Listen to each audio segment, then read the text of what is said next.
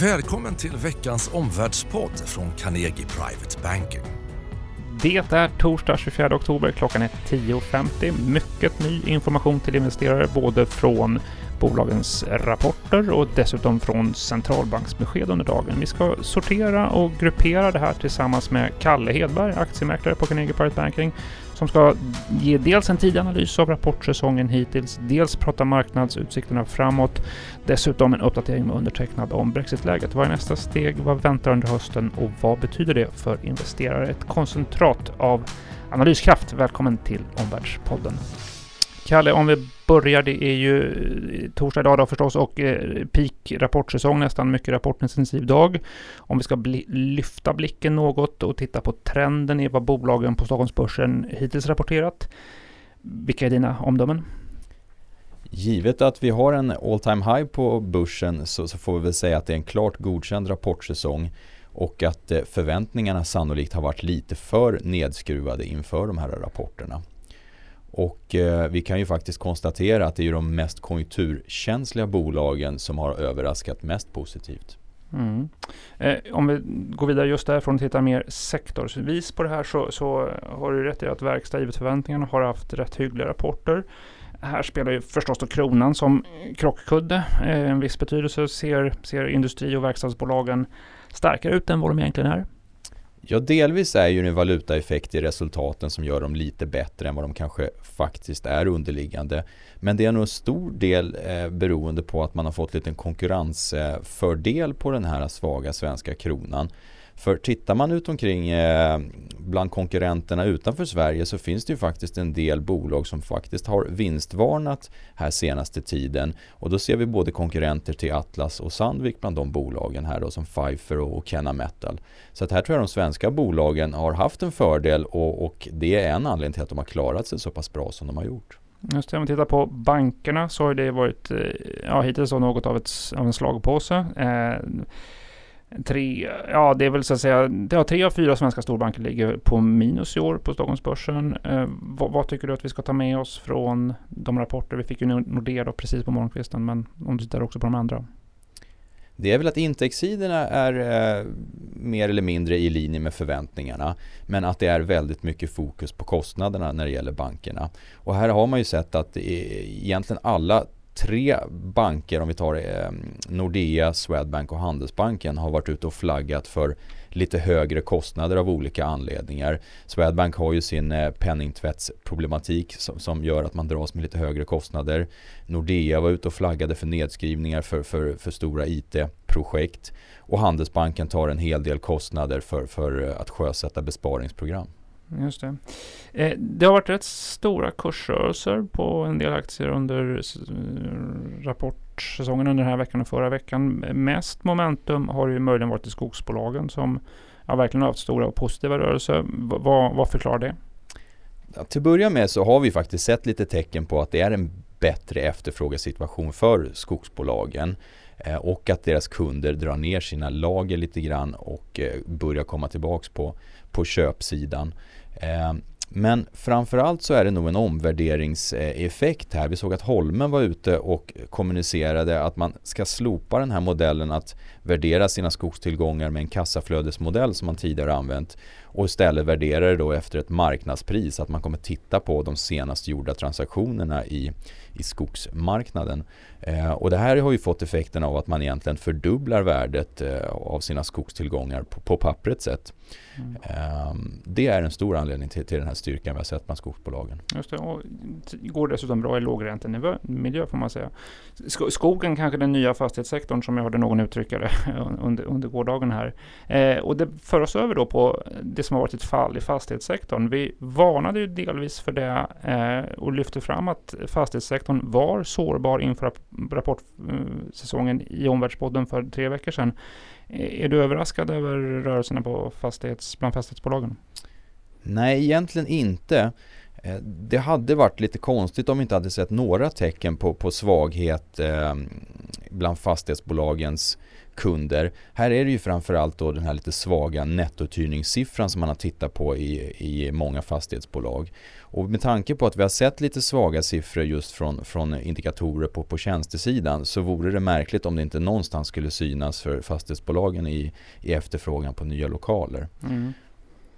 Eh, om det här är dina, några av dina observationer från rapportsäsongen, vilka är dina rekommendationer till privata investerare? Jag tycker man ska titta på bolag som då har en ambition och en möjlighet att påverka sin lönsamhet då i en kanske svagare efterfrågesituation och därmed visa på att man faktiskt nu har en möjlighet att hålla upp lönsamheten på ett bättre sätt än vad man kanske gjort, tidigare, eh, gjort i tidigare svaga perioder. Och det här tror jag skulle kunna vara någonting som, som kan eh, leda till lite omvärdering bland många bolag som, som faktiskt ser ut att, att värderas rätt så lågt. Mm, titta på omvärderingspotentialen, intressant, det där tar vi med oss framåt. Om vi går vidare då och tittar på, um, hoppar från bolagsrapporterna till det något bredare marknadsläget. Eh, vi sa inför rapportsäsongen att håll koll på vad bolagen guidar framåt om 2020. Det är möjligt att den här frågan kan vara lite tidigt ställd då så att säga, men generellt, eh, vad är din bild av bolagens utsikter in mot nästa år? Den tycker jag ser hygglig ut faktiskt. Det är många bolag som, som visserligen guidar för en, en lite svagare efterfrågan men att eh, givet den tillväxt vi ändå har sett här senaste tiden så, så skulle en, en viss försvagning av det fortfarande innebära ganska höga nivåer. Så att eh, överlag eh, klart godkänt. Överlag klart godkänt också när man tittar framåt då. Vi, vi har ju pratat återkommande om makroläget med Helena Haraldsson. Eh, makroläget och bedömningarna inför 2020 eh, från din horisont som sitter i samtal med privata investerare varje dag. Då, vad, eh, vad är utsikterna? Jag tror att den här osäkerheten kommer ju fortsätta finnas kvar. Men vi ser ju helt klart att det är ett positivt tolkningsföreträde som gäller just nu. Men mm. i, i, i spåren av det så, så, kommer det ju fortsatt vara fokus på, på Brexit och handelssamtalen. Eh, för att se vilken, vilken utveckling det kommer ge. Mm. Börsen är också uppe på höga nivåer, nära all time high är vi varje vecka här nu. Eh, jag vet att vi har passerat tekniska stödnivåer som bedöms vara strategiska framåt. Vad, vad betyder det? Vi har ju sett att Stockholmsbörsen eh, har, har kommit upp på nya all time high nivåer. Och det är ju i och för sig någonting som skulle då kunna trigga ytterligare styrka på, på svensk börs. Men vi har inte riktigt sett samma, eh, samma styrka på, på börser utanför Sverige. Där är vi fortfarande strax under gamla toppar och innan vi ser Eh, att de bryts igenom så tror jag inte att Sverige kommer leda den här uppgången utan det blir nog en viss avvaktande handel fram tills dess att vi framförallt ser hur USA reagerar då och ser om de orkar bryta upp. Mm, just eh, Riksbankens besked kom ju för en dryg timma sedan. Eh, det kommer ju eh, fler besked från centralbanker också under dagen, ECB och Norges bank. Eh, vad är din bedömning av vilka händelser och processer i kalendern framåt som är viktiga för Stockholmsbörsen om vi håller oss till slutet på oktober och november då? Det kommer givetvis vara fortsatt fokus på, på makroindikatorer som, som inköps, inköpschefsindex. Men återigen så är det nog det viktigaste att det är handelssamtalen och Brexit som kommer vara i, i fokus där. Just på tal om Brexit, här en kort uppdatering om läget och nästa steg. Boris Johnson fick ju stöd för sitt utträdesavtal och samtidigt eh, stryk för tidtabellen för genomförandet av lagstiftningen. Vi rör oss mot ett extraval i Storbritannien. Frågan för marknaderna är om detta kommer innan eller efter att parlamentet godkänt ett Brexit-utträdesavtal. Det där avgörs av två saker. Dels EUs svar om hur lång en förlängning av Brexitförhandlingarna faktiskt blir och kanske ännu mer om hur genomförandet av brexitlagstiftningen går i det brittiska parlamentet. Om den processen krånglar, ja då pekar mycket mot att vi får ett nyval före Brexit kan genomföras. Går den processen i, i det brittiska parlamentet bra, flyter det på, ja då får vi nog Brexit först och nyval därefter. Nästa steg, håll koll på besked från EU om hur lång förlängningen av förhandlingen blir och förstås hur Boris Johnson reagerar på detta. Det där kan komma fredag eller det kan dröja in på nästa vecka. Det är klart att det vore positivt. Det är positivt för marknadsmiljön att det avtalslösa utträdet nu har minskat. Det som vore negativt, det är ett nyval före ett Brexit-utträde är klart. Det förlänger en period med osäkerhet, det adderar till en ny riskpunkt och det bäddar för mer volatilitet. Det mest positiva scenariot är att brexitprocessen är tillbaka on track i det brittiska parlamentet och att det nu blir en kortare teknisk förlängning och en trovärdighet om att parlamentet kan anta lagstiftningen. Bedömningen, min bedömning är att Bojo inte passerar de här hindren i parlamentet. Parlamentet är bra på att försena, förhala och förändra förslag. Utan huvudscenariot är att vi går mot nyval före jul och möjligen att Brexit då kan genomföras först på andra sidan årsskiftet. Samtidigt, det är svårt för parlamentet också att fatta beslut om ett extraval. Så ett ytterligare scenario om ett låst läge paralyserat parlament där Bojo fastnar i en labyrint. Det finns faktiskt också på bordet. Den korta sammanfattningen är att osäkerhet för investerare och entreprenörer, den lär kvarstå året ut.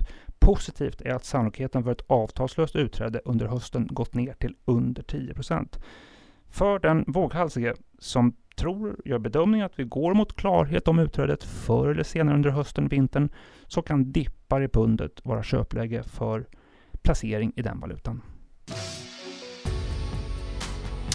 Tre slutsatser från eh, eh, veckans omvärldspodd. Efter rapportsäsongen, sök bolag som är lågt värderade, har motståndskraft, klarar en avmattning och en omvärldspotential. Andra slutsatsen är eh, efter rapportsäsongen fortsatt fokus nu på makro och politiska händelser.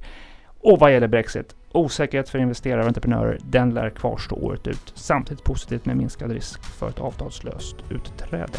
Om du gillar Omvärldspodden så rate oss gärna på iTunes. Tack för att du lyssnat på det här avsnittet och på återhörande. Tack för att du har lyssnat på Omvärldspodden från Carnegie Private Banking. Vill du veta mer om vad som händer i vår omvärld och få aktuella idéer till affärer? Gå då in på www.carnegie.se veckans viktigaste och prenumerera på vårt nyhetsbrev.